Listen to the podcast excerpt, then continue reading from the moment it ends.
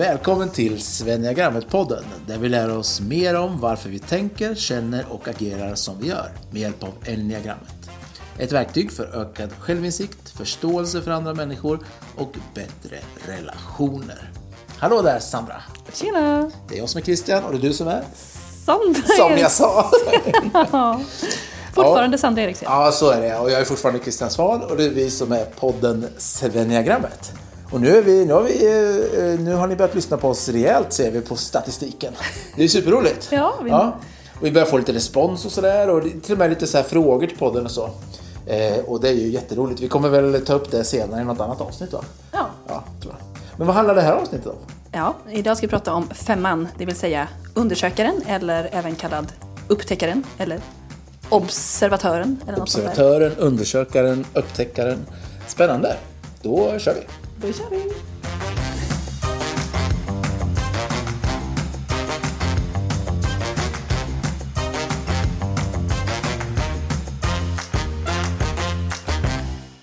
Undersökare. Ja. Det, men det är som det låter, att det är en person som är väldigt nyfiken eh, och vill liksom sträva efter att förstå universums mysterier kan inte få nog av kunskap.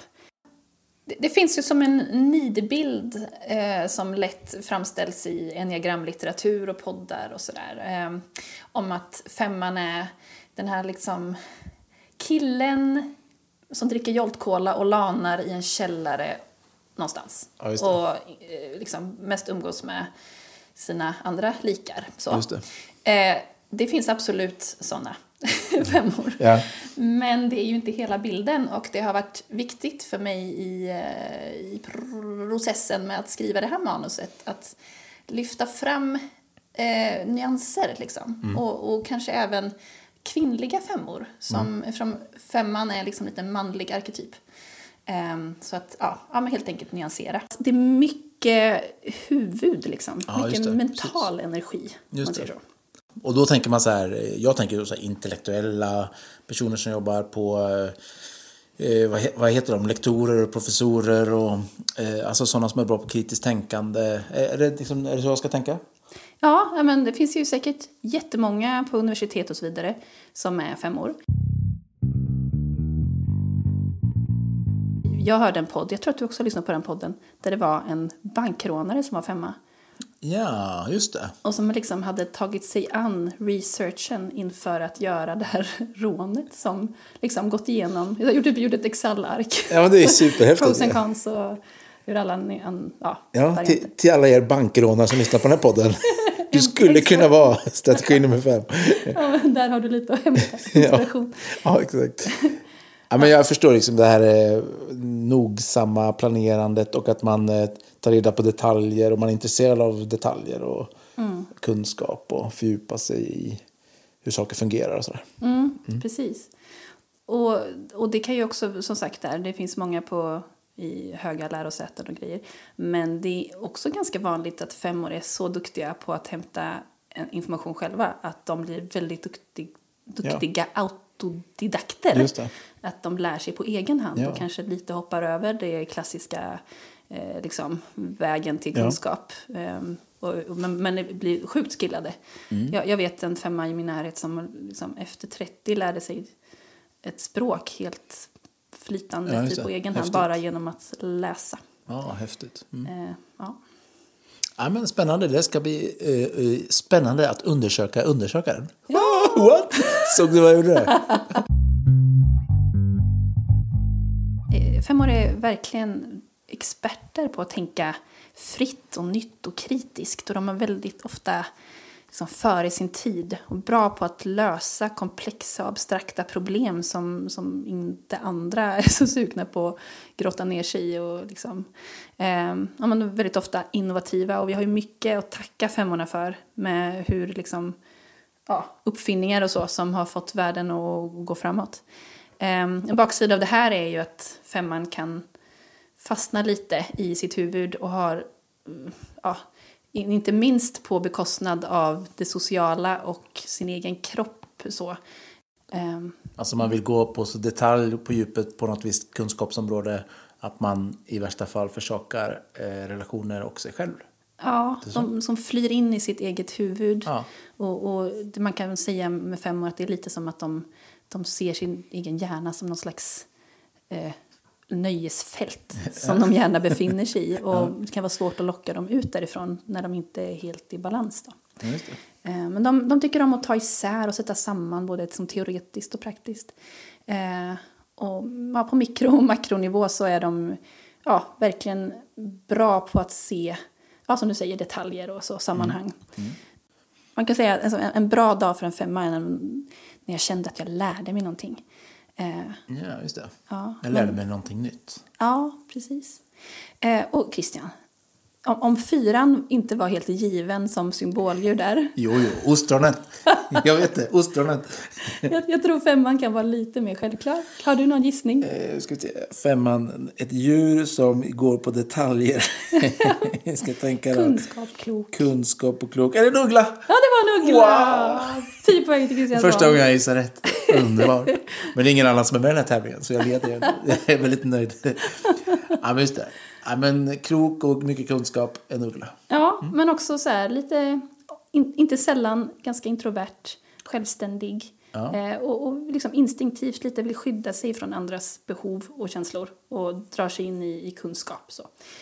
Ja, och du, du sa till mig förut också att eh, den här eh, Kärt barn har många eh, namn och den här har ju många olika beteckningar, vad man vill kalla den. Och en som vi pratade lite om var ju på engelska då, The Observer. Då tänker man en liten uggla som sitter uppe och observar, gör man inte det? Ja, det gör man. Ja. Och det är också så lite the observer att man, man ställer sig utanför och, och istället för att vara med i matchen liksom.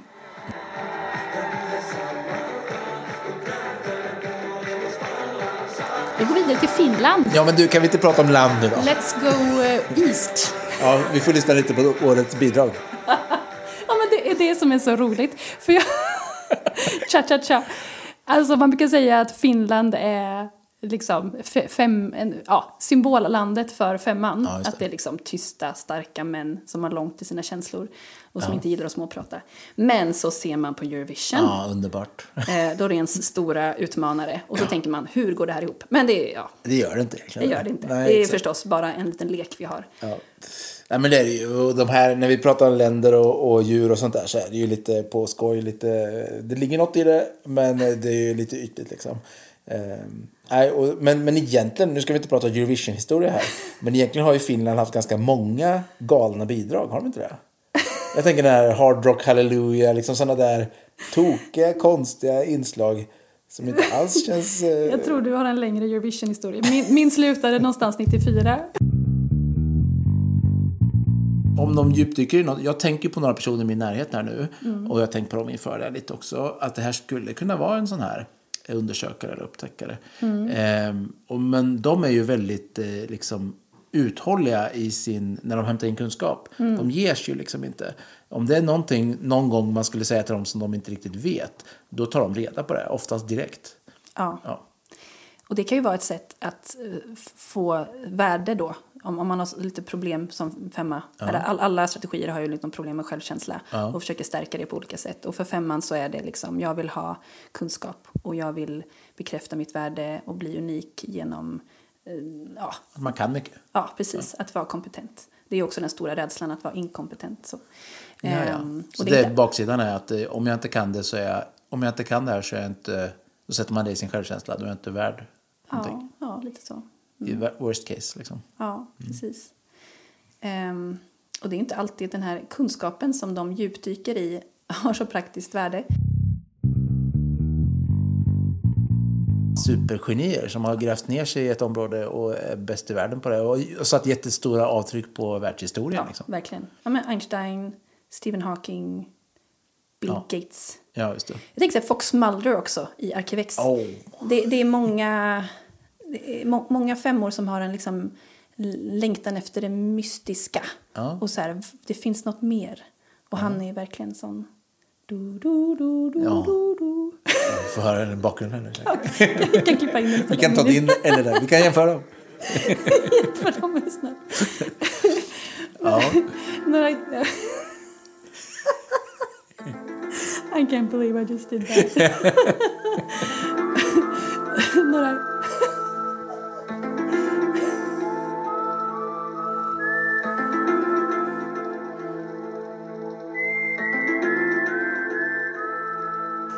Ja, men det var ju några kändisar och jag noterade att alla var män. Finns det någon kvinna som har, varit, eh, som har strategi 5? Ja, sannerligen. Eh, det jag gillar med femmor det är ju att de... Man brukar tillskriva liksom lite slentrianmässigt de estetiska värdena till fyran. Men det finns jättemånga eh, olika former av konstnärer som är femmor. Det tycker jag är fint, för de är så ofta observanta och sen skapar någonting eget utifrån det. Och jag kommer prata lite mer senare i programmet om kreativitet och femmighet. Men bara redan nu, några exempel på det här. Eh, till exempel eh, Jane Austen och eh, Agatha Christie. Eh, och har du sett Queens Gambit? Ja, absolut. Ja, den, jag kommer inte ihåg vad hon heter, den karaktären, men hon som spelar schack. Ja, Och här vet jag inte heller riktigt namn. Bea Usma, hur säger man hennes namn? det är ungefär så. Ja, something like that. Hon var ju liksom helt besatt av den här polarexpeditionen och skrev en uppskattad bok kring Ja. Mm. detta. Den verkligen försökte gå på djupet med det hela. Eh, så det är några kvinnliga exempel också som hämtade från eh, kulturkretsar. Ja, intressant. Mm. Ja, men, eh, får jag fortsätta lite på Ja, men temat? gör här? det. Ja.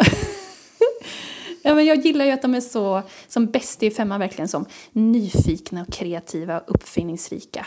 Eh, och, och ja, modiga liksom. Mm. Eh, och när de inte blir, liksom slår över och blir excentriska och isolerade och liksom sådär, så är de ju verkligen eh, kan, kan föra världen framåt med sina idéer och utan att blanda in för mycket känslor.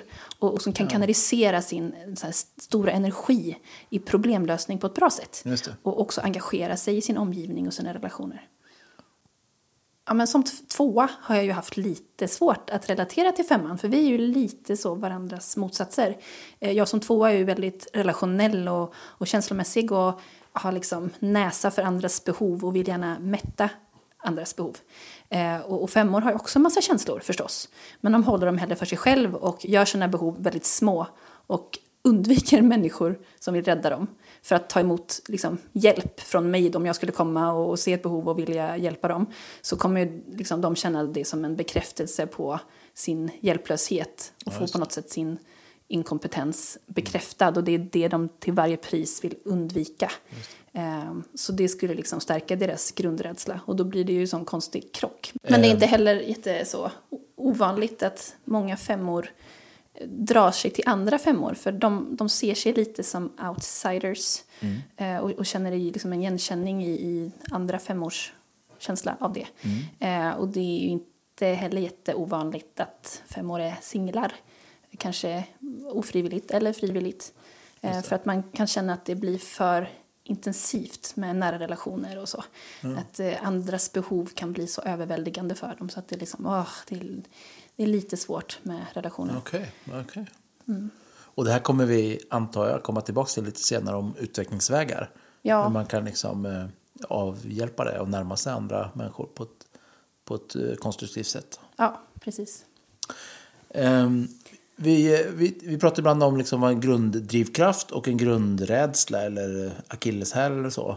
Eh, vad, är, vad är det för de här två? Du har nämnt det lite redan, men bara Ja. säkert drivkraften för en femma. Ja, alltså man vill ju eh, vara va, va och framstå som kompetent.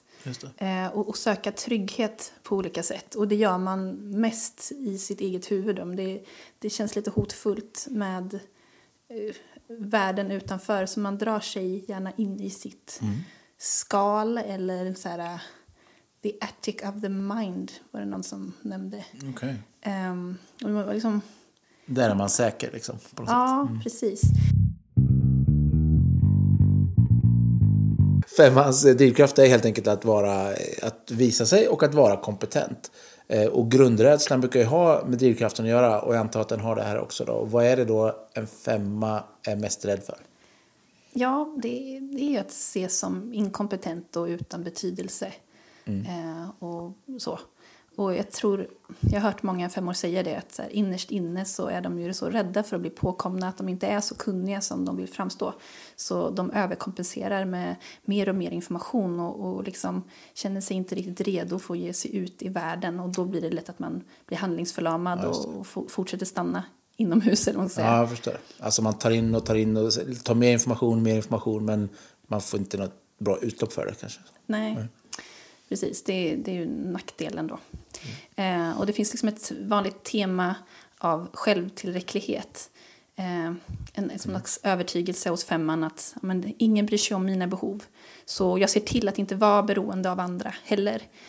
Eh, och en väg till att inte vara beroende av andra är att se till att man själv ha inne, sitter inne med all den kunskap och de resurser man behöver för att klara livet. Eh, så då behöver man inte nå ut till andra och liksom visa sig sårbar och eh, ta hjälp. Liksom. Och, och det hänger ihop då med den här, varje strategi har ju en så kallad dödssynd. Laddat ord. Ja, det är ett laddat ord där Det är svårt att använda. Ja, Men eh, akilleshäl eller ja, någon Liksom, någon, ett tema som, som gör det svårt för, för femman i det här fallet. Eh, och, och då är det, för femman är det som girighet eller snålhet. Och, och det låter ju, det, det är lite svårt, det är samma som med så stolthet eller högmod för tvåan. Ja, det, ja. det kan vara lite subtilt. Det är inte så lätt att förstå vad man menar med det. Eh, men i femmans fall, då med girighet och snålhet, så eh, innebär det mer att det utgår från en rädsla att vara hjälplös och en övertygelse att mina inre resurser är mer begränsade än vad de faktiskt är. Så att man håller på sig själv. Eh, Ja, det. och känner sig liksom lite, oh, hoarder. Eller så ja. Man, vill inte, man vill inte ge ut det för man är rädd att det inte ska räcka till. Nej, precis. Ja. Man kanske har mycket, mycket mer att ge ut än vad man tror. Men man känner sig liksom rädd då. Eh, eh, Femman är ju en del av den eh, mentala intelligensen ihop med sexan och sjuan. Och ett tema för alla de tre är liksom en underliggande drivkraft av rädsla och söka trygghet på olika sätt. Ja, det. Eh, Så det, ja, det tar sig olika uttryck. Men för femman så är det så här. Så upplevelsen av att ha för lite liksom leder till en omättlig hunger efter kunskap och att samla och hushålla med sin energi. Eh, ja, så, ja, det, och jag nämnde hoarders här och det kan rent konkret bli så. Det är inte jätteovanligt att de vi kallar för hoarders, jag har inget bra svenskt ord på det, men så samlare. Ja, just det. Eh, att det kan vara femmor då, som så här, eh, jag måste ha, se till att jag har allt, jag vill inte slänga. Ja, just det. Jag- Jag har allt, jag slänger inget nej, för att risken är att jag upptäcker att jag saknar något. Ja. Om jag slänger något. Vad, och, och det har med deras oberoende att göra. De vill vara oberoende och de eh, liksom eh, förnekar sina egna behov och sådär. Ja, precis. Det kan ju liksom leda till att man lever väldigt minimalistiskt och liksom lite självförnekande av sina basala behov. Man liksom kopplar bort kroppen. Eh, och man kan vara nog säkert vara väldigt nöjd med att bara sitta i sin man cave. I, vissa Så- fall. ja.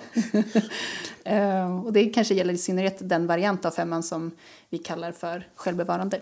ja, precis. Ehm, ja, men som rädslan att bli dränerad och utarmad är så stark att man drar sig undan världen och ja, så.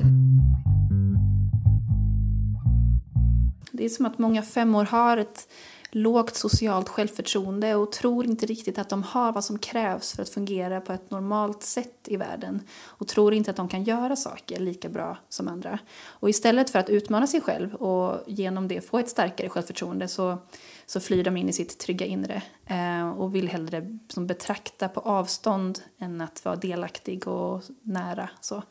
Eh, och det blir som ett överdrivet fokus på att processa mentalt. Ehm, och, och intentionen är att så småningom liksom ansluta till världen igen när de har funderat färdigt på hur de ska lösa saker i teorin. Men det är ju inte alltid man kommer dit. Eh, för det finns ju alltid mer information att samla. Eh, och det är lite som att femman försöker räkna ut hur man ska leva istället för att verkligen leva. Eh, De det- sitter och, sitter och räknar på rummet Ja. tills de förstår. Fast de kommer aldrig riktigt få all den kunskapen att förstå. Ja, precis. Och det här är som jag är rädd för att visa mig inkompetent. Så, här. så att jag, då håller jag mig hellre för mig själv. Det är, liksom, det är lite som att försöka lära sig att dansa genom att se på hur andra Ja, gör. just det. eh, utan praktik. Liksom. Det låter ju nu, om, man, nu, om vi pratar liksom en obalanserad eller en, ibland man kallar omogen då, eh, strategi, så låter det här som att det är stor risk att den här kan bli ganska ensam och isolerad från omvärlden. Som att man ständigt befinner sig på ett förberedelsestadie. Och så en dag vaknar man och inser att ja, jag har inte levt mitt liv. Jag har liksom bara förberett mig och känner mig utanför. Och så kanske man också ändå, det är inte säkert att man lider så mycket av det. Nej, jag förstår. Nej. Men man har ändå gjort sig väldigt ensam. Och gått miste, andra har gått miste om dig och du har gått miste om dem. Liksom. Men kan du, nu behöver jag lite uppmuntran här känner jag. har, har du någon, eh, något exempel på någon, eh, alltså en sund eller en mogen eh, strategi 5 eller vi kommer till det senare eller har du något sånt exempel nu? Ja, du är fin du. ja, men ja. ja men jag hörde en, en, en sund femma beskriva det här fint. Ehm, hur att hon hade liksom, hon hade fastnat i det där till en början. Men sen hade hon liksom, hon hade gått igenom någon skilsmässa och hade haft det tufft. Och, och genom den krisen lärt sig mer att se på livet som någon slags helig rytm. Eh, att hon hade accepterat att ja, liksom, världen och relationer, det kommer att dränera mig. Eh, men jag väljer ändå att varje dag ge mig ut i världen och, och ut, uppskatta det utbytet som sker.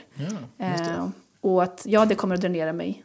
Men jag, kan, jag är trygg ändå i vissheten om att jag kommer komma tillbaka till mig själv i slutet av dagen och ladda upp igen. Och, och liksom se det mer som välförvaltad energi. Ja, tack för det positiva exemplet här Ja. tidigt i podden. Jag tänker då, om man är jätte, man gillar kunskap mycket och så, då vill man ju inte, man, det är ointressant att prata om vad det är för väder. Ja, Eller? Precis. Det här s- småprat, kallprat, är väl kanske inte så många femårs styrka. Nej. Eh, det kan ju vara en liten utmaning då på arbetsplatser och sådär. Att stå i kön till kaffemaskinen och, eller ha öppna kontorslandskap. Och man, på jobbet vill man ju vara uppgiftsfokuserad. Så att det här sociala kan bara ta energi som man vill ha till den uppgift man ska lösa. Det var en kvinnlig femma som jag pratade med som sa att hon hade liksom fått mer intellektuellt sett lära sig att det är viktigt att le ibland. Att hon hade fått kommentarer av att hon såg så sur ut. Och det var inte så här, hon var inte sur, hon bara var, inne i sitt huvud och Jaha. tänkte inte så mycket på det sociala spelet. Ehm, så att man liksom lite får lära sig mekaniskt Ja, ibland precis. hur man för sig socialt. Så, och rent så verbalt så kan man ha ett ganska alltså, direkt och rakt språk och vara tydlig och analytisk Mm. och faktafokuserad mer än att prata om känslor och andra människor och så. Just det. Ehm, det kan bli en tendens att vara eh, lite nedlåtande. Om så här, det, är jag som har fattat och ni har inte riktigt samma kunskap Nej, som jag. nej, Eh, så att man kan uppfattas lite som besserwisser. Så. Mm. Ehm, och det är ju inte alltid så populärt Nej. bland omgivningen. Ja, men, och ibland kan man prata om EQ och IQ. Och här låter det som att du beskriver någon som har ofta ett starkt IQ. Då. Ja. Det är inte så att femmor nödvändigtvis är så mycket mer intelligenta än alla andra strategier. Men de använder ju sitt tänkande på, ofta på ett annat sätt än vad vi andra gör. Och, och det tycker jag är så fascinerande. Liksom. Jag som ganska snabbt ger upp på saker. Eh, där stannar ju femman kvar och fortsätter att gå på djupet. Liksom. Eh, och, ja. Och så tillbaka till det med det verbala kommunikationssättet. Att det kan bli lite som med femmor att de säger ingenting eller alldeles för mycket. Jaha. Så om in, ämnet intresserar dem så Ja, kan just de prata på. Ja, men det känner jag ju igen från eh, människor jag känner. Ja. ja. Alltså att de kan vara helt bortkopplade och sen plötsligt säger någon någonting och då bara, liksom, bara blixtrar de till och sen bara tar de över allting och berättar ingående och djupt detaljerat om det. Ja, Ja. precis. Och det, det hänger väl ihop med det här liksom, att det kan vara lite svårt socialt. Att man kan behöva öva sig i så här. Är, är människorna omkring mig nu intresserade av det här? Det. Eller är det bara jag som är det? Det. Ehm, och man lätt att bara fastna i en inre monolog som andra får ta del av. Ja, ja. Jag tänker på en person här nu eh, som jag inte vet om, om hen är femma. Men, men den här personen är väldigt, eh, den är väldigt analytisk och eh, ofta då kan den också sitta, liksom, ifall vi är ett gäng som ses, då kan den här personen sätta sig lite på sidan om och eh, mecka med liksom en högtalare, skruva isär en högtalare mitt när vi sitter och har liksom en fika och kaffestund. Då hämtar den här personen en skruvmejsel och börjar byta en lampa eller eh, sätta fast en list som har lossnat. Alltså att den, den liksom ehm, sitter med sitt eget på något sätt. Och sen ibland då kastar den in sig i diskussionen när det handlar om någonting. Och då är det ju väldigt faktafokuserat. Liksom. Eh, Ja, och sen så går den väldigt på djupet där. Och då är den oftast väldigt kunnig då. Eh, I kunskapsmässigt. Men, men precis den här grejen att den, den, den här personen liksom hoppar in i samtalet när det är något som är spännande men kan annars sitta på avstånd liksom, och, och göra sitt eget på något sätt. I min enneagramanalys så blir ju det liksom att det här att gå lite, sätta sig lite vid sidan av och jobba med någonting annat blir ett, en strategi för den personen att en, vilja vara med men ändå så här, bevara sin energi lite. Mm, just det. Eh, välja. Ja, för känslan, ja men det är säkert så, för känslan är att den här personen blir ganska, eh, tycker det är ganska ansträngande med en social gemenskap sådär. Ja. Och, och vill kunna välja, nu går jag ur den och går jag in i den. Ja, ja, precis. Men jag ska också säga, jag vet, eh, du pratade lite om i början här på introduktionen om, om liksom att det fanns en eh, kanske att, att man var girig, man ville inte ge ut av sig för man var rädd att det inte skulle räcka till. Men så är inte fallet med den här personen utan den här är ju väldigt eh, eh, generös med sin tid och med sin eh, hjälp. Liksom. Ifall någonting har gått sönder så är det oftast den första personen räcker upp handen och säger jag kan komma och hjälpa till. Eh, för jag vet hur det här funkar. Det är egentligen så då. Ja, men då blir liksom det här kunskaps... Eh, det delandet blir någon slags kärleksspråk. Det kanske inte är så Ja. lätt att göra det på andra sätt som Nej. andra eh, normalt sett uttrycker kärlek på. Men mm, ja, Ja men precis så. det är jättefint Ja. om man lär här, sig se det. Ja, och den här personen är väldigt bra på det. Eh, och, eh, men sen då blir det också lite kul för mig då, som nia. Då vill jag, blir jag jättetacksam och vill liksom krama om den och säga wow att du kom hit och tog en halvtimme av din torsdagkväll till det här. Liksom. Men för den personen är inte det viktigt alls. Du, jag kom in, jag hjälpte dig och nu åker jag hem. det är ganska, ja, vi pratar lite olika språk kan man säga. Mm. Känner du någon eh, femma som du tänker på? Ja, inte så många tror jag. Men jag har funderat på min farmor som dog för några år sedan. Eh, och jag kommer hädanefter att referera till henne som Oma. För det var det namnet hon gick under. Hon var alltså från Tyskland. Oma. Ehm, Oma, min Oma Else. Och hon är ju verkligen en av de människorna som jag har älskat mest i mitt liv. Eh, och det har varit fint att tänka på henne utifrån femma-perspektivet för att försöka förstå hur femman fungerar. Eh, och det är ju en ganska ytlig analys på ett sätt ifall det nu var så att hon var femma eller inte. Ehm, men jag, ja, det man kan liksom, det, det jag tar det på är väl att hon tyckte väldigt mycket om att vara själv. Ja. Eh, hon blev änka ganska tidigt men hon hade ju verkligen inget problem med att bara sitta och lösa korsord och läsa massa böcker och hon höll sig uppdaterad mycket mer än vad jag är. Fast jag var journalist så kunde hon ju mycket mer om vad, samhället, Ja, eh, vad som hände i samhället. Sådär. Eh, hon var inte heller liksom kvinnan med de stora varma känsloyttringarna. Eh, det är komiskt att jag och min syster brukar skoja om att så här, när man sa till Oma bara, åh jag älskar dig så sa hon alltid bara, ja ja jag, jag älskar alla, jag kan inte. Jag älskar alla mina barn och barnbarn. Lite generellt sätt att säga att man tycker om Ja, man liksom tog det till sig liksom. För man visste att det var hennes sätt att säga det på. Men det var, så här, det var inte för personligt liksom. Nej, Hon hade också som en fantastisk humor. Så henne, jag har massa bilder på släktträffar från Tyskland och hon och hennes systrar bara sitter och skrattar så de kissar på sig. Eh, och jag tror att det ska vi också ge femmor cred för. De har ju ofta en väldigt rolig och subtil humor. Eh, så. Ja. Jo, en, alltså en, en, en, får jag ge en liten an- anekdot kring min farmor när vi ändå pratar här om... absolut. Du menar Ja. Oma? Min Oma, tack. ja, alltså hon kom till Sverige precis innan kriget bröt ut. Eh, men medan hon fortfarande var i Tyskland när hon var typ 18-19 år så jobbade hon i en familj i Hamburg eh, som var nazister. Eh, och de var väldigt strikta sådär, gav henne typ aldrig ledigt. Men de gav henne ledigt en gång för att gå och se på Hitler när han skulle inviga någon stor båt i Hamburgs hamn. Och det var värsta folkfesten och folk stod och vinkade och ja, jag, jag föreställer mig att de stod och heilade omkring henne. Eh, men det här tycker jag är så fascinerande för det här var ju liksom innan folk hade börjat genomskåda Hitler. Men hon tyckte alltid att han var en sån tölp. Liksom. Okej. Eh, och hon vägrade att vinka och sådär. Och då var det någon som stod bredvid henne som, som slog på henne med sitt paraply. Bara, ah, hallå, var med här, liksom. nu får du heila, liksom. vinka lite. Ja. Och hon vägrade ändå. Liksom. Och här tänker jag ju att det var ett uttryck för när femman går till sin pil i åttan. Vi kommer att prata om det lite senare, hur det hänger ihop. Men när femman gör det, då blir det femman mer modig och söker rättvisa och har stort civilkurage och så. Eh, och jag tänker att hon alls eh, tog sig till Sverige eh, var liksom en, en längtan efter äventyr och risktagande lite.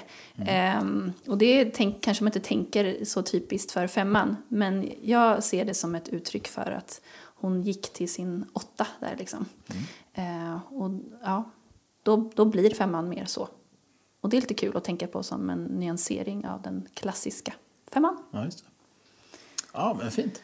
Eh, vi, vi, pratar ibland om eh, kreativitet, det är ett återkommande ämne tycker jag i den här podden.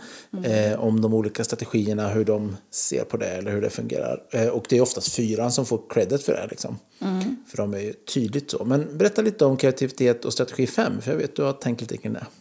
Ja, Um, ja, men det är de, de femmorna jag har hört om, eh, de, de uttrycker det som, att, som poesi och, och, färg och storytelling och musik är ett sätt för dem att, att komma i kontakt med sina känslor och uttrycka dem som, som annars kan vara lite svårt för dem.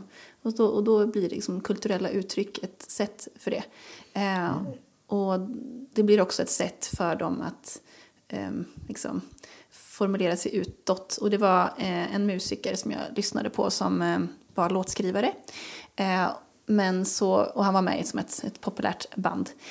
Och så splittrades bandet.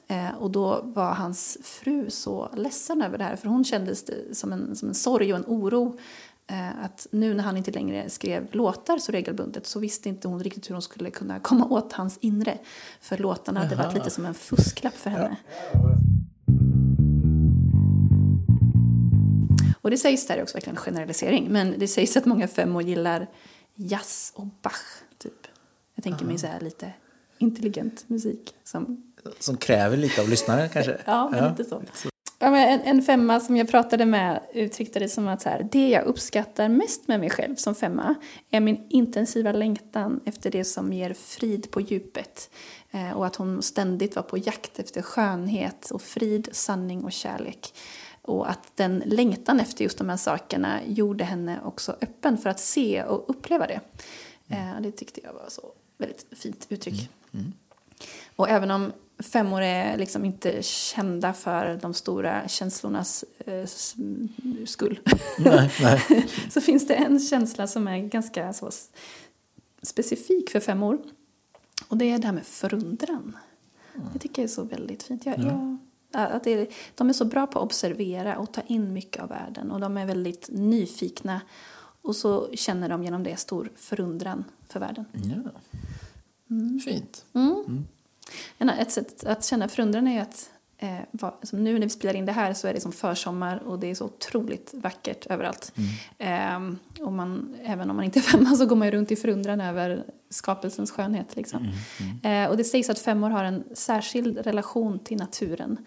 Eh, och även att många mystiker har varit femmor. Att eh, man har lite som en, en, eh, ja, en dragning till det som inte riktigt går att sätta ord på. Ja, och det är ju säga, en dragning till det som inte går att sätta ord på. Det är lite nästan eh, en paradox eftersom de vill sätta ord på allting. Alltså att de vill undersöka och eh, granska och gå på djupet och förstå. Och då att de drar sig till det som inte går att förstå. Ja, men det kanske triggar något, liksom, en nyfikenhet hos dem. Bara, det här måste jag ja. utforska vidare. Så. Ja, härligt och lite komplext, det gillar jag. Ja, ja kul.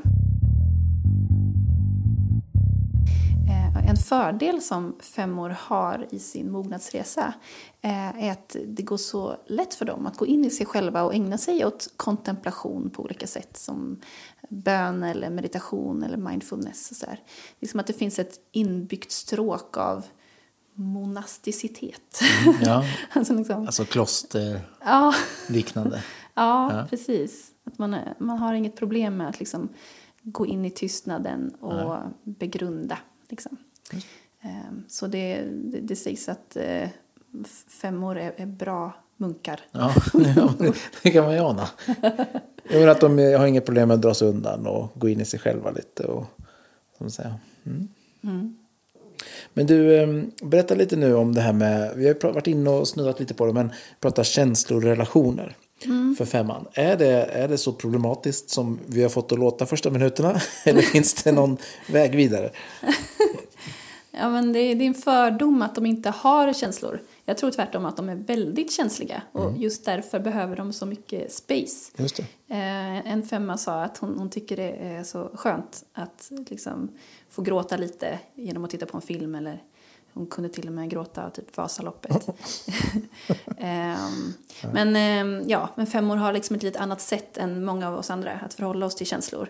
Eh, och kan bli mer lika ettor och treor på det sättet att de boxar in känslor och kan bli väldigt lösningsfokuserade. Ehm, och kan skilja på boxa in saker Eh, och käns det, det kan ju gälla känslor men det kan också gälla lite hur de delar upp sin eh, dag. Och så här, hur, vad ska jag göra idag? Nu, Mellan de här klockslagen ska jag göra det och det, sen ska jag göra det. Och det. De, som tydliga avskiljningar mellan olika delar av livet. Ja, Ehm, och det kan ju bli en eh, fördel till exempel eh, i kris. Femmor är väldigt bra i kris. För då kan de liksom bortse från sina känslor och helt slå på sitt objektiva tänkande och lösa saker med intellektet. Eh, och femmor är väldigt måna om eh, rättvisa och fatta opartiska beslut. Och det kan ju vara jättebra när man då behöver liksom koppla bort känslan bara för att tänka klart. Det känner jag att jag som tvåa skulle ha jättesvårt att göra. Och, ja, men de tar gärna parti för de som de känner är i underläge eller som är missförstådda och vill att alla ska känna sig respekterade och så. Ehm, ja, men också, ja, det här med känslor då, de har ju verkligen ett rikt känslomässigt liv. Eh, men dräneras snabbare än andra av interaktion och, och relationer och känslor och sådär. Så de behöver snabbt jobba hem och samla kraft. Eh, och man brukar säga lite om femmor, typ om man frågar en femma, vad känner du? Då kan de svara, "Eh, jag ska fundera på saken. Ja, just det. Det kommer inte så automatiskt direkt. Nej, jag Nej. måste gå in och tänka lite. Nej, men om fyran hade kunnat ha en lång utläggning på studs där om Ja. vad de känner så måste så här, femman bara, vänta lite, jag ska gå in i, i mitt huvud och Ja. fundera på vad jag känner. Ja, exakt. Tänka igenom saken. Så här. Och en, en övning för femman kan vara liksom, har jag känslan eller tänker jag känslan? Typ. Ja, just Det är lite svårt att skilja åt. Ja, men, precis. ja. Ja. Det kan vara så att de inte känner sig så trygga med att uttrycka känslan i stunden inför den personen som det hela Nej, liksom, kanske hanti- handlar om. Eh, och så man vill vara liksom lite själv med känslan innan man uttrycker den. Ehm, mm. Det var en femma som sa Jag gillar inte att prata om känslor förrän jag har analyserat, processat, sorterat och stoppat tillbaka känslan. Ja, efter jag har gjort det så har jag inte längre något behov av att prata om min känsla. Ja, det var ett kul sätt att uttrycka det. Ja. Han hade också liksom öv, övat sig i det här. Eh, att bli lite mer i kontakt med sin känsla genom ja, att han, när han fick en känsla så avsatte han 20 sekunder i att bara intensivt vara i den känslan. Eh, och, och ja, det liksom hjälpte det honom att utforska vad det var han kände och så processa den på, på nya sätt. Så han kanske inte processade den färdigt under de 20 sekunderna men han tänkte att det här var ett sätt för honom att underlätta senare bearbetning. Ja, eh, som en form av neuroplasticitet, att liksom skapa nya banor i hjärnan.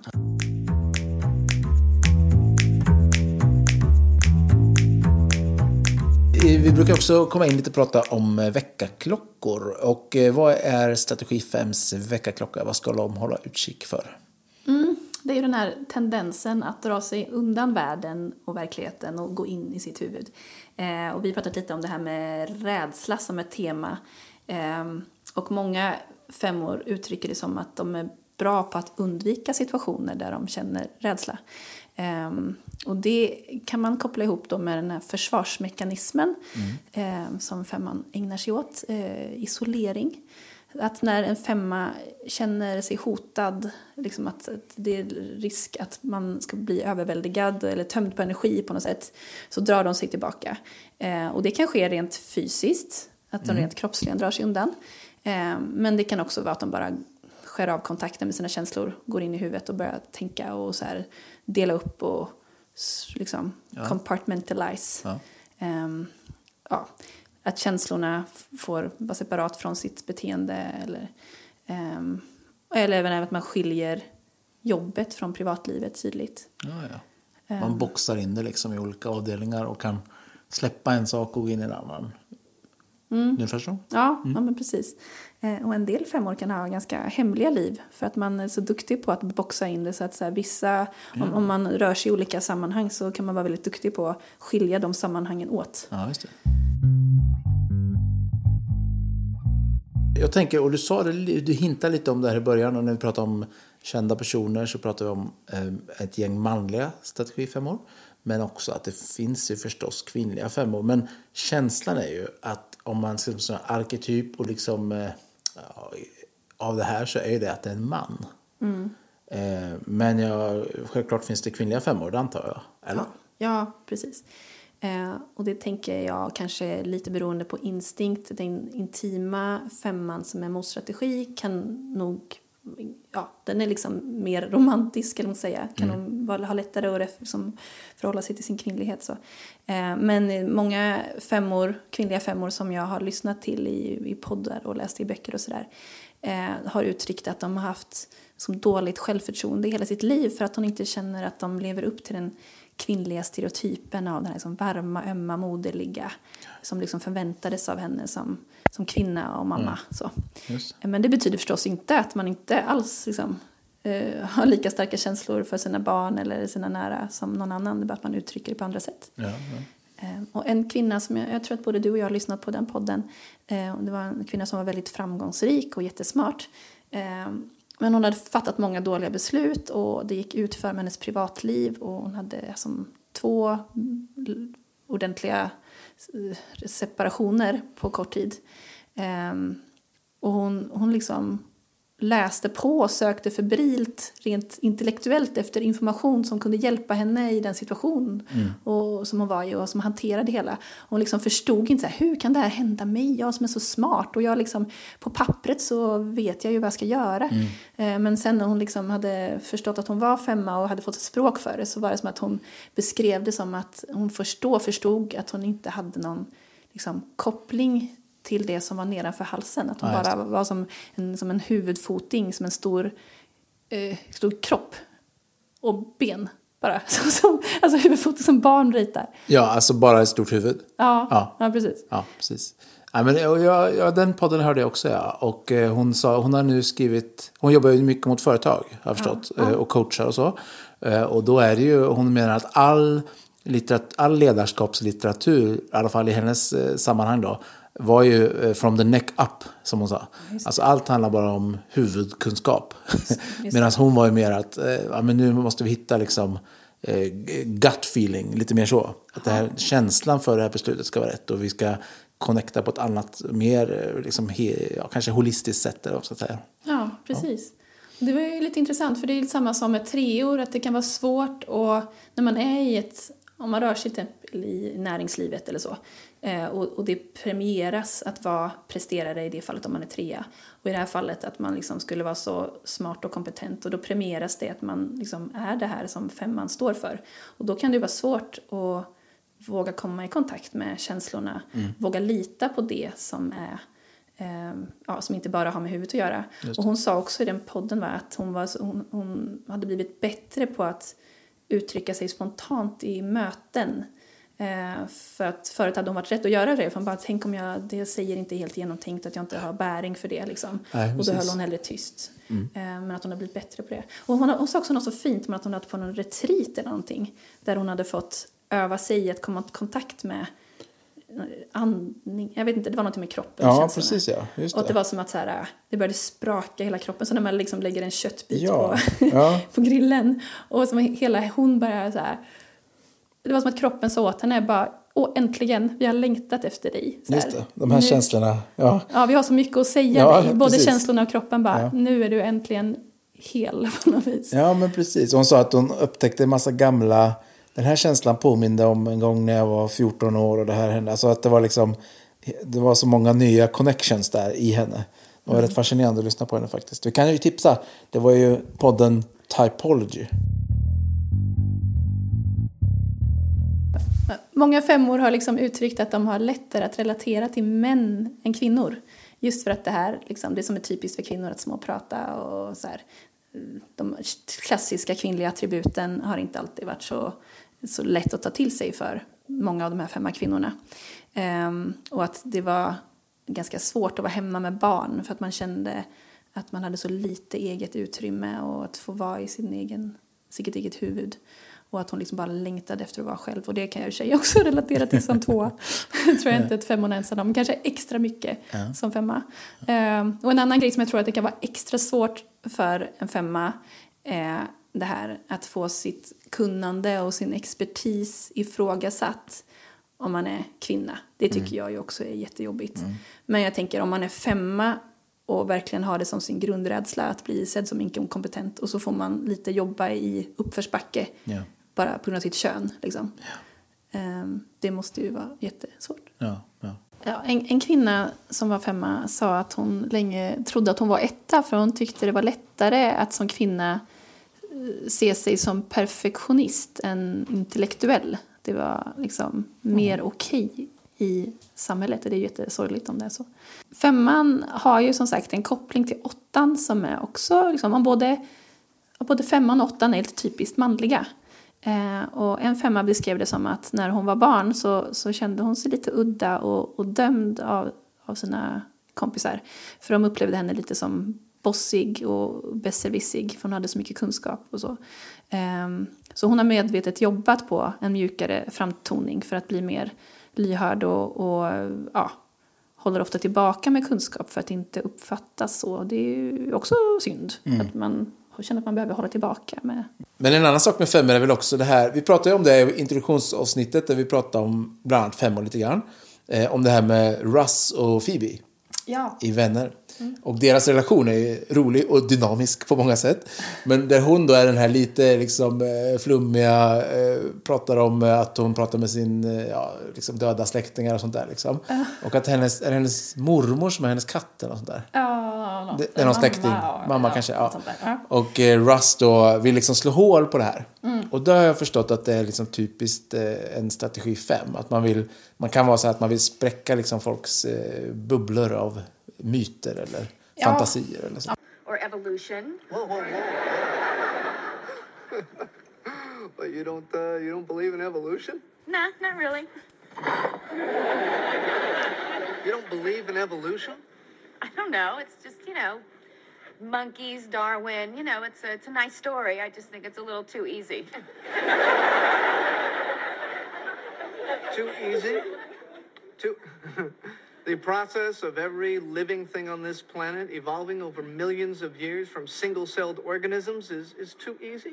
Ja, men den intima femman skapar få men nära relationer och är lite mer så intensiv och risktagande. Eh, kan även bli svartsjuk. Eh, och eh, det var en vän till mig som är femma som ehm, tog Ariel som exempel här. Att hon hade blivit så drabbad av Ariel när hon var barn och liksom blev hennes så här, förebild lite grann. Eh, för hon tänkte att hon måste vara en intim femma som är lite udda i sitt sammanhang och enda vännen är en fisk och hon är, är i en grotta och samlar saker. Liksom, men längtar så intensivt efter att få en djup relation. Eh, och, och att eh, få vara del av någonting som, som känns otillgängligt. Ehm, och ja, hon såg det liksom lite som att eh, femman förbereder sig för att komma ut i världen och, och, och längtar men vet inte riktigt hur. Och den intima instinkten blir liksom att hon väljer farliga vägar för att hennes längtan är så stark. Eh, och nu tänker jag lite osökt på det här med Oma som jag nämnde tidigare. Och jag tog ju kopplingen till att hon eh, att det var liksom åttan i henne men, eh, som var lite så här, hade civilkurage och också flyttade till ett annat land när hon var ung och så. Men jag tänker att hon kanske, det kan ju varit så också att Oma hade en intim instinkt som gjorde att hon var lite mer så äventyrlig. Ja. ja, intressant. Ja. Ehm, men den här vännen till mig då, hon, eh, hon beskriver det som att hon upplever världen som, som väldigt otrygg och försöker skapa sig en plats där hon kan stå ut. Eh, hon vill lära sig en massa saker som, som hon kan förmedla för att världen ska bli tryggare och mer kärleksfull och tycker om att hjälpa andra genom sin kunskap. Och det tyckte jag var ett väldigt fint sätt att se på femmans kunskapsinhämtning och det här man brukar, som brukar prata om girighet och snålhet och liksom så här. Men det finns också något väldigt generöst med att samla kunskap och Ja. vilja ge den vidare. Liksom. Eh, och eh, det var väldigt fint att höra henne prata. Hon har eh, ja, men verkligen samlat mycket kunskap och omvärderat saker som hon förut tog för sanning. Ehm, och hon beskrev sig som att hon har ett väldigt öppet sinne och inte är rädd för att gå egna vägar. För att hon prioriterar sanning och kunskap högre. Liksom. Eh, och att ibland kunde bli obekvämt och att det hade ja, ibland eh, brutit relationer för henne. Eh, och det var väl som i vårt samtal så, så var hon väldigt berörd och, och liksom grät också över hur jobbigt hon tyckte det var när, när människor inte är villiga att ta till sig ny information liksom, och inte det. våga ifrågasätta gamla sanningar. Eh, ja, det var liksom lite med en ny sida hos femman som jag... Det är fint. Ja, det var fint. Det är liksom ett, eh, ett litet quest eh, att, att få berätta om det här nya och liksom hjälpa andra att se det också. Ja, precis. Och liksom så här, gråta över världens ignorans. Ja, just det. Ja, det är fint. Om vi ska kika på det här med eh, femmor då i relation till andra. Vill du berätta lite hur, eh, hur tänker man att deras strategi fungerar där? Ja, alltså lever man nära femmor så tror jag det kan vara bra att tänka på att det här med att de är ofta tysta och, och upp, kan upplevas som reserverade och har väldigt hög integritet. Eh, det, det gör det lätt för oss andra att liksom projicera och läsa in känslor eh, i dem. Ja, precis. Det kan liksom tolkas som likgiltighet eller att de skulle vara känslokalla eller så här. Men det kan ju tvärtom vara så att de, de bryr sig jättemycket. De försöker bara komma fram till en förklaring eller lösning innan de liksom är mer Berätta. uttalade. Ja, just det. Mm. Eh, Så det kan vara skönt att ja, inte ta det så personligt eller ha det i åtanke i alla fall. Ehm, och jag tror att femmor, många femmor känner liksom att de är ju så rädda för att bli dränerade, att deras energiresurser ska ta slut. Men känner de bara att man respekterar deras känslor så vill de väldigt gärna engagera sig. Just det. Även om den stunden kanske är kortare än för andra. Eh, Så, ja, och då kan de vara väldigt varma och anpassningsbara om, de, om man inte känner att det finns något krav på dem. Ja. Ja, men man, man behöver inte vara så här rädd för det som man annars tänker är obekväm tystnad. Nej, just det. det tycker jag är väldigt fint med femman, att man får vara tyst med Ja. dem. Och de uppskattar att vara alone together. Just det. Sådär. det är inte farligt att vara tyst. Nej, Nej. precis. Eh, och man kan eh, behöva vänta in dem lite. De är, om man, kanske om man jobbar med dem eh, så är det inte givet att de tar så mycket plats på mötet om man inte får en direkt och rak fråga. Eh, och att det är lätt att andra hinner före för att de liksom fastnar lite i huvudet i reflektion och inkännande innan de pratar. Eh, så eh, ja, ge dem tid eller ställ direkta frågor. Eh, och en annan sak som en femma vän sa var att hon verkligen uppskattar när människor finns kvar över tid, även om hon själv inte är den som hör av sig så ofta. Eh, att kontakten kan vara sporadisk, men de finns kvar ändå. Eh, ja, Nej, för det kan ju uppfattas ifall man som vissa femmor har eh, liksom, eh, kanske känner att man eh, kan vara tyst och ändå behålla en vänskap. Men då på distans kan ju det bli lite problematiskt kan jag tänka mig. Om den andra då känner varför ringer jag här för tionde gången i rad och eh, jag hör aldrig någonting. Men det kan ju vara fint att tänka på det då. Att om man som strategi 5 då eh, ändå känner att vi har det här starka vänskapsbandet även om, vi inte, om jag inte ringer dig. nej, precis. De, de kan ju också känna sig överväldigade av längtan efter kontakt, eller så här, andras kontaktsökande. Men då får de väl säga ifrån då. Ja, ja, precis. ja. Ehm, ja, men till exempel om man ska jobba ihop så, så är det bra att ge dem information innan ett möte så att de kan förbereda sig och, och kanske inte heller att de måste känna ett krav på att fatta beslut under mötet utan att de får tid att tänka igenom i lugn och ro innan liksom något stort ska ske. Ehm, och vi har ju nämnt det här lite med att de tänker sina känslor. Ehm, så liksom, kräv inga stora känslomässiga svar eller uttryck. Ehm, ja, om de bara får lite tid på sig så kommer de komma ikapp med sina känslor och uttrycka dem. Just. Femman tror sällan att de betyder något för andra. Så om du har en femma i ditt liv som är viktig för dig så var, var noga med att uttrycka det för dem så att de känner att deras närvaro ändå betyder någonting.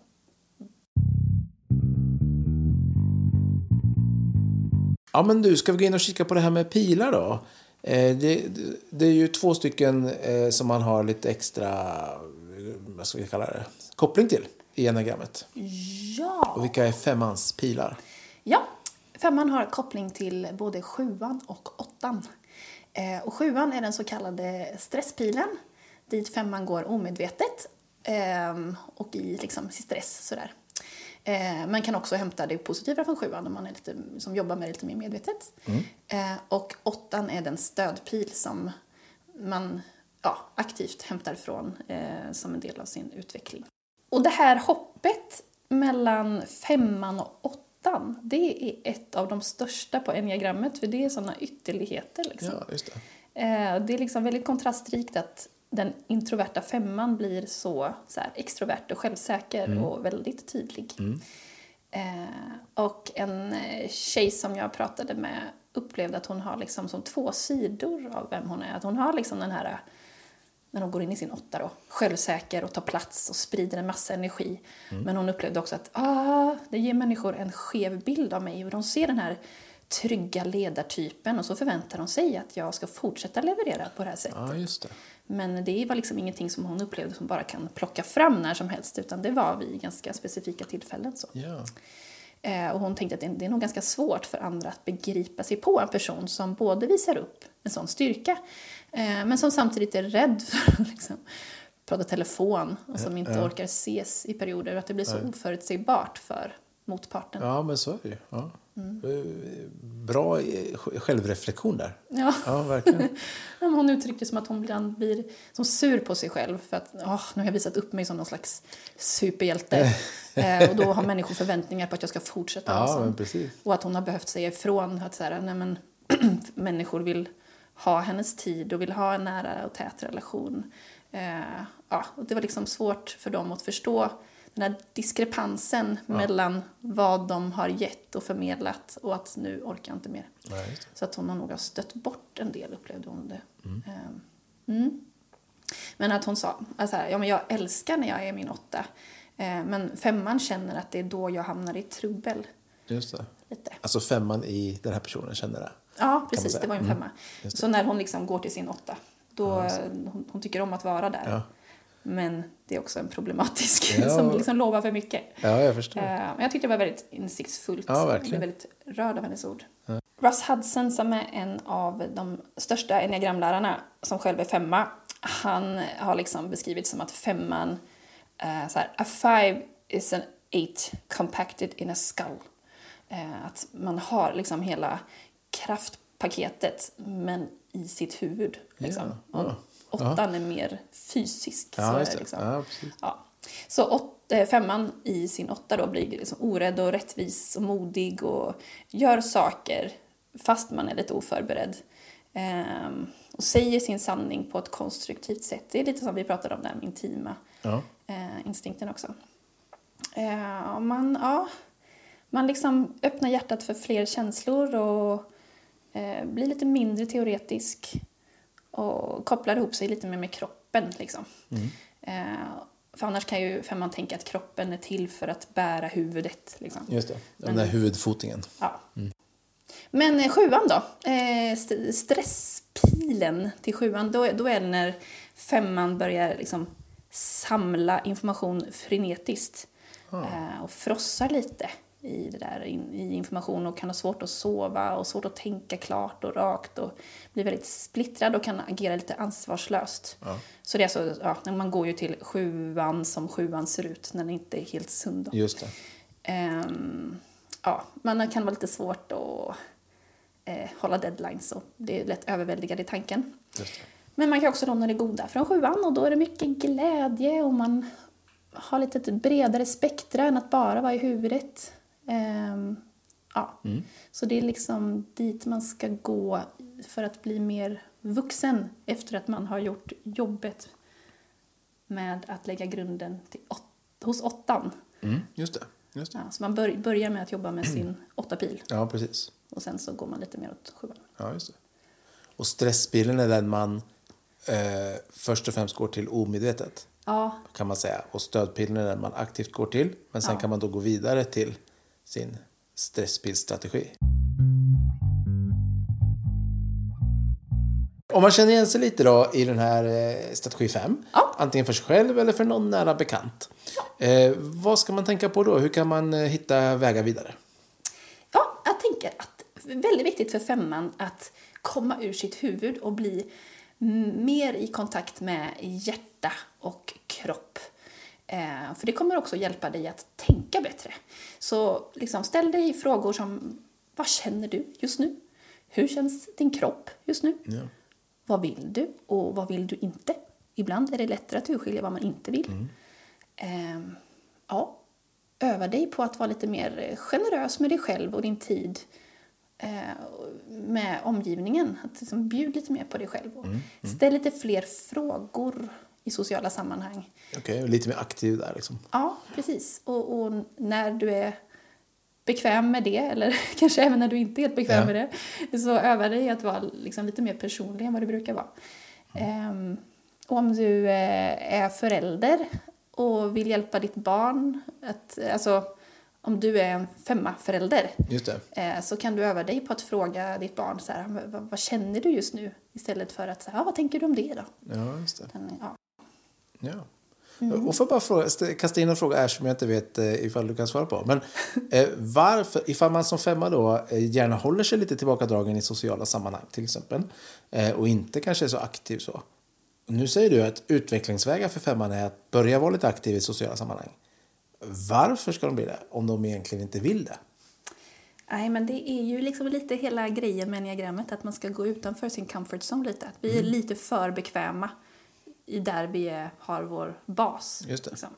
Ehm, så att det är lite så här KBT. Ja, man ska öva på det man eh, inte får naturligt om man säger. Ja, men så här, Ja. exponeringsterapi. ja, just det. Ja. Och då är liksom grundidén då att det finns ett eh, rikare, finns mer att upptäcka. Kan man säga så? Ja, Ja. precis. Men det är så vi, när vi går, det är lite som när man tränar eh, på gymmet. Att man stressar musklerna lite Just det. för att växa. Bra bild. Ja, En passus. Fortsätt med utvecklingsvägarna för femman här. Ja, men alltså så här, en, en grej som är på det temat är lite så här med småprat och att det är obekvämt. Eh, man kanske kan öva in lite så här, det här kan man säga i kön till kaffeautomaten. Ja. Det här är lite frågor som, ja men lite som en, ja, att Ja, men- man rent mekaniskt Just det. Övar in. Ja, man förbereder sig för ett socialt möte. Ja, Ja, precis. Ett spontant socialt möte. Precis. Ja. men jag tror förberedelse är nyckelord Ja. vad det gäller femman. Eh, Och då kan man använda det positivt. Liksom. Mm. Eh, ja.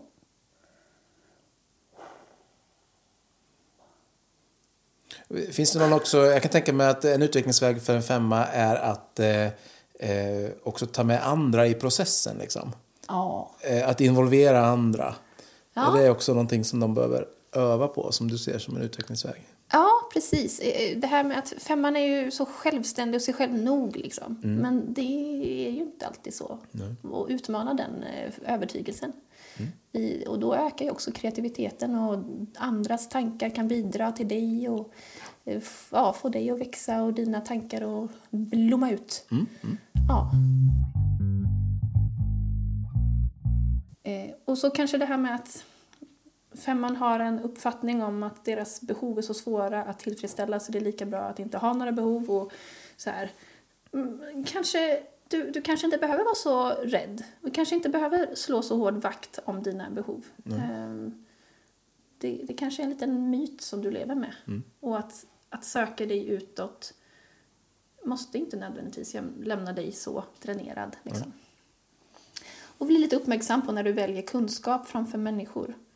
Ehm, att det är bra med relationer. Ja, precis. Ja. Eh, ja, men det var utvecklingsvägar. Och eh, om man då jobbar med de här, eh, vad finns det för tecken på att man liksom har att man har jobbat med sig själv och tecken på mognad? Då? Jag tänker när femman vågar vara lite mer sårbar och inser att det per definition inte innebär att man blir sårad. Eh, och vågar känna mer. Det var en av de här femmorna som vi har pratat om tidigare som hade gått igenom jobbiga grejer. Eh, hon sa så här, We can only heal what we are willing to feel. Att ja, landa i smärtan lite och att det gjorde henne mer hel helt enkelt. Ehm, ja, nej men eh, femman blir ju mer delaktig i världen när hen är mogen. Ehm, och gör mer praktisk användning av all sin kunskap och kan bidra till världen på ett Ja. väldigt fint sätt. Ja, det var det du sa exempel tidigare där. Ja, precis. Ja. de, liksom, det, det är bra att kombinera sin mentala förståelse med praktisk erfarenhet för att verkligen bli klok och vis och på ett mer holistiskt sätt. Ehm, och, och femman i sin prime ser lite mer sitt behov av relationer och släpper in andra mer och eh, ja, liksom inser också att deras resurser expanderar när de är närvarande och engagerar sig i andra mer än vad de kanske trodde. Och att generositet det innebär inte bara att ge utan att också ta emot. Ja, och det, det känns ju som en, nyckel. Att det är lätt kanske att ge och hjälpa andra för många. Men kanske svårare att ta emot hjälp själv. Ja, precis. Eh, och en femma i obalans kan ganska lätt uppleva livet som lite meningslöst. Men eh, sunda femmor betraktar livet och omvärlden eh, med hänförelse istället för att bli rädd. Liksom. Och då har de verkligen chans att bli visionärer med potential att påverka på ett verkligen ett revolutionerande sätt. Ja. Det är Spännande att höra om strategi 5. Eh, och vi har ju precis gått igenom ett gäng liksom, positiva saker och vad de har att ge till världen och vad de kan utvecklas och så. Eh, och vi är liksom inne på avslutningen här nu. Eh, vad säger du? Vad är det vi vill liksom skicka med till femmorna i slutet av det här avsnittet? Ja, men jag älskar det här med deras liksom, lugn och kravlöshet och att de låter andra vara som de är. Ja. Eh, och eh, ja, men jag tycker i sin prime är de verkligen som respektfulla och har en klarhet och en inre visshet och är väldigt goda och objektiva rådgivare. Ja. Eh, att man bara kan få vara avslappnad i sin tystnad med dem. Och jag, eh, som jag liksom, kanske har nämnt här, men eh, jag som tvåa har ju haft lite svårt att relatera till femman innan för det kändes som att vi stod så långt ifrån varandra. Men jag känner mig, nu för tiden, ju äldre jag blir, mer femmig än många andra strategier. Åh, åh, vilken vändning! Ja. Nej, men, eh, jag älskar ju också det här tystnaden och ensamheten och att bara få ladda upp. Och, och enneagrammet har ju blivit en sån där nördig grej för mig. Det har vi inte nämnt tror jag hittills, men det, det kan vara en kul grej sak att nämna att femmor har ju ofta något specialintresse som de blir verkligen nördiga på. Ja. I alla fall. Eh, nej, men jag uppskattar verkligen det här med femman att de, eh, ja, de har ju det här revolutionerande i sig och innovationer som, som de bidrar med till världen. Och, ja. men alltså en kreativitet och nyfikenhet och uthållighet som verkligen har gjort världen bättre för oss. Så tack, kära femmor. Tack alla femmor!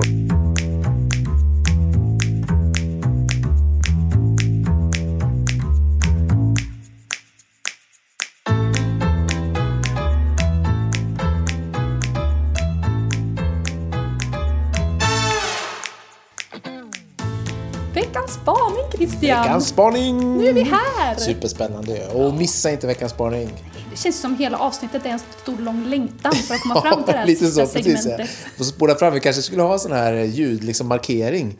Att det är någonstans kring 1.05, där är veckans spaning. Ja. Ja. Men du, veckans spaning på strategi nummer fem. Vi har ju snackat lite och vi har valt mellan två stycken olika kan vi prata om. Ja. ja. Den första är då Lisbeth Salander. yes, Girl with the Dragon Tattoo, Mhm. Stig Larssons eh, superdeckare. Eh, och där är ju intressant, för han som har varit regissör för den eh, amerikanska versionen, det är ju, David Fincher. och han är Enneagramnörd. Exakt, vad det ville. Och femma. Ja, och femma ja.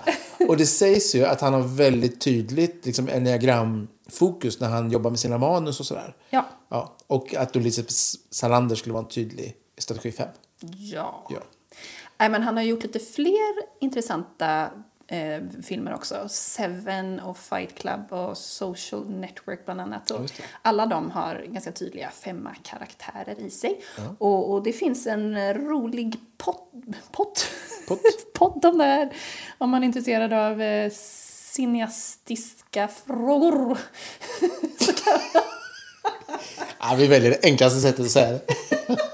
om man gillar film.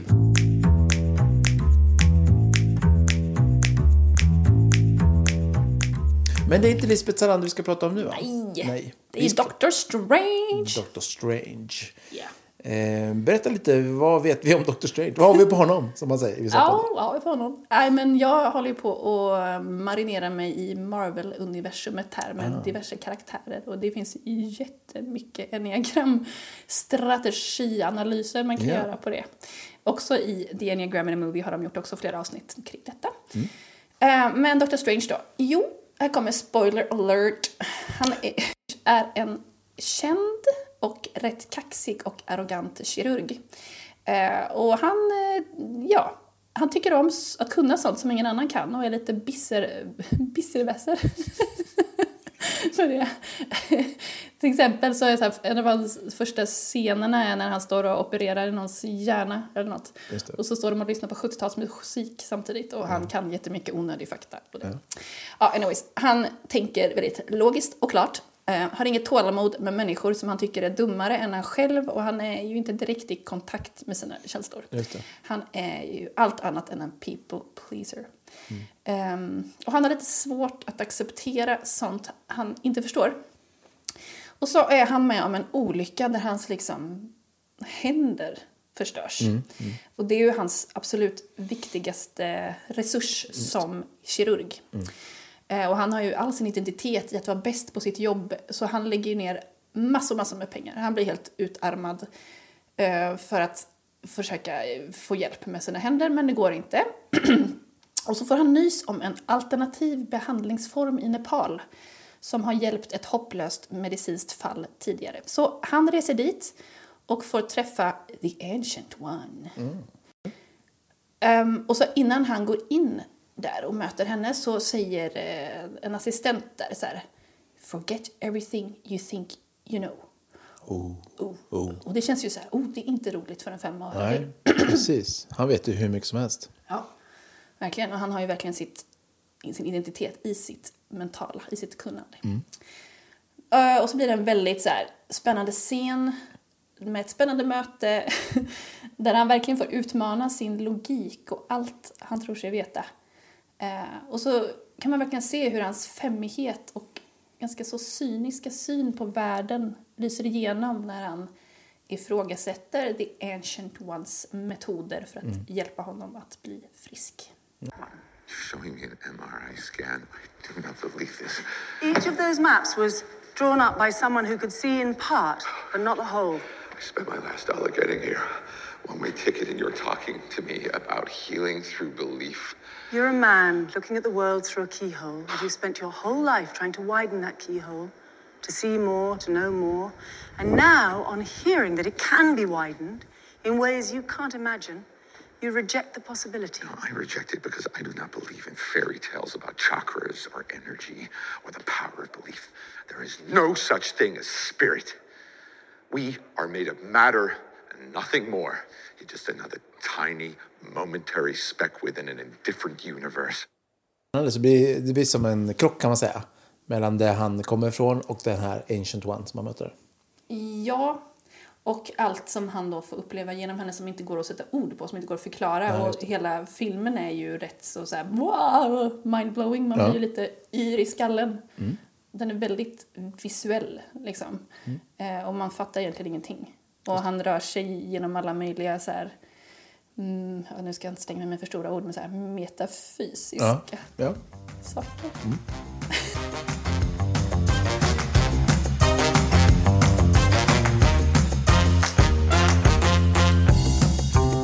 ja, men tack för att ni har lyssnat på podden Sveniagrammet. Avsnitt nummer sju. Ja. Ja. Eh, och eh, på återhörande, om man vill ha kontakt med oss, hur gör man då? Går det? Då kan man gå in på Instagram. Ja. Finns det ett konto som heter Sveniagram. Sveniagrammet, där kontaktar ni Sandra och eh, med frågor och grejer. Och vi har en liten, eh, vi har fått in några frågor och någon gång i något avsnitt framöver kommer vi ta det. Men just nu hälsar vi bara tack för att ni har lyssnat och på återhörande nästa vecka. Bye!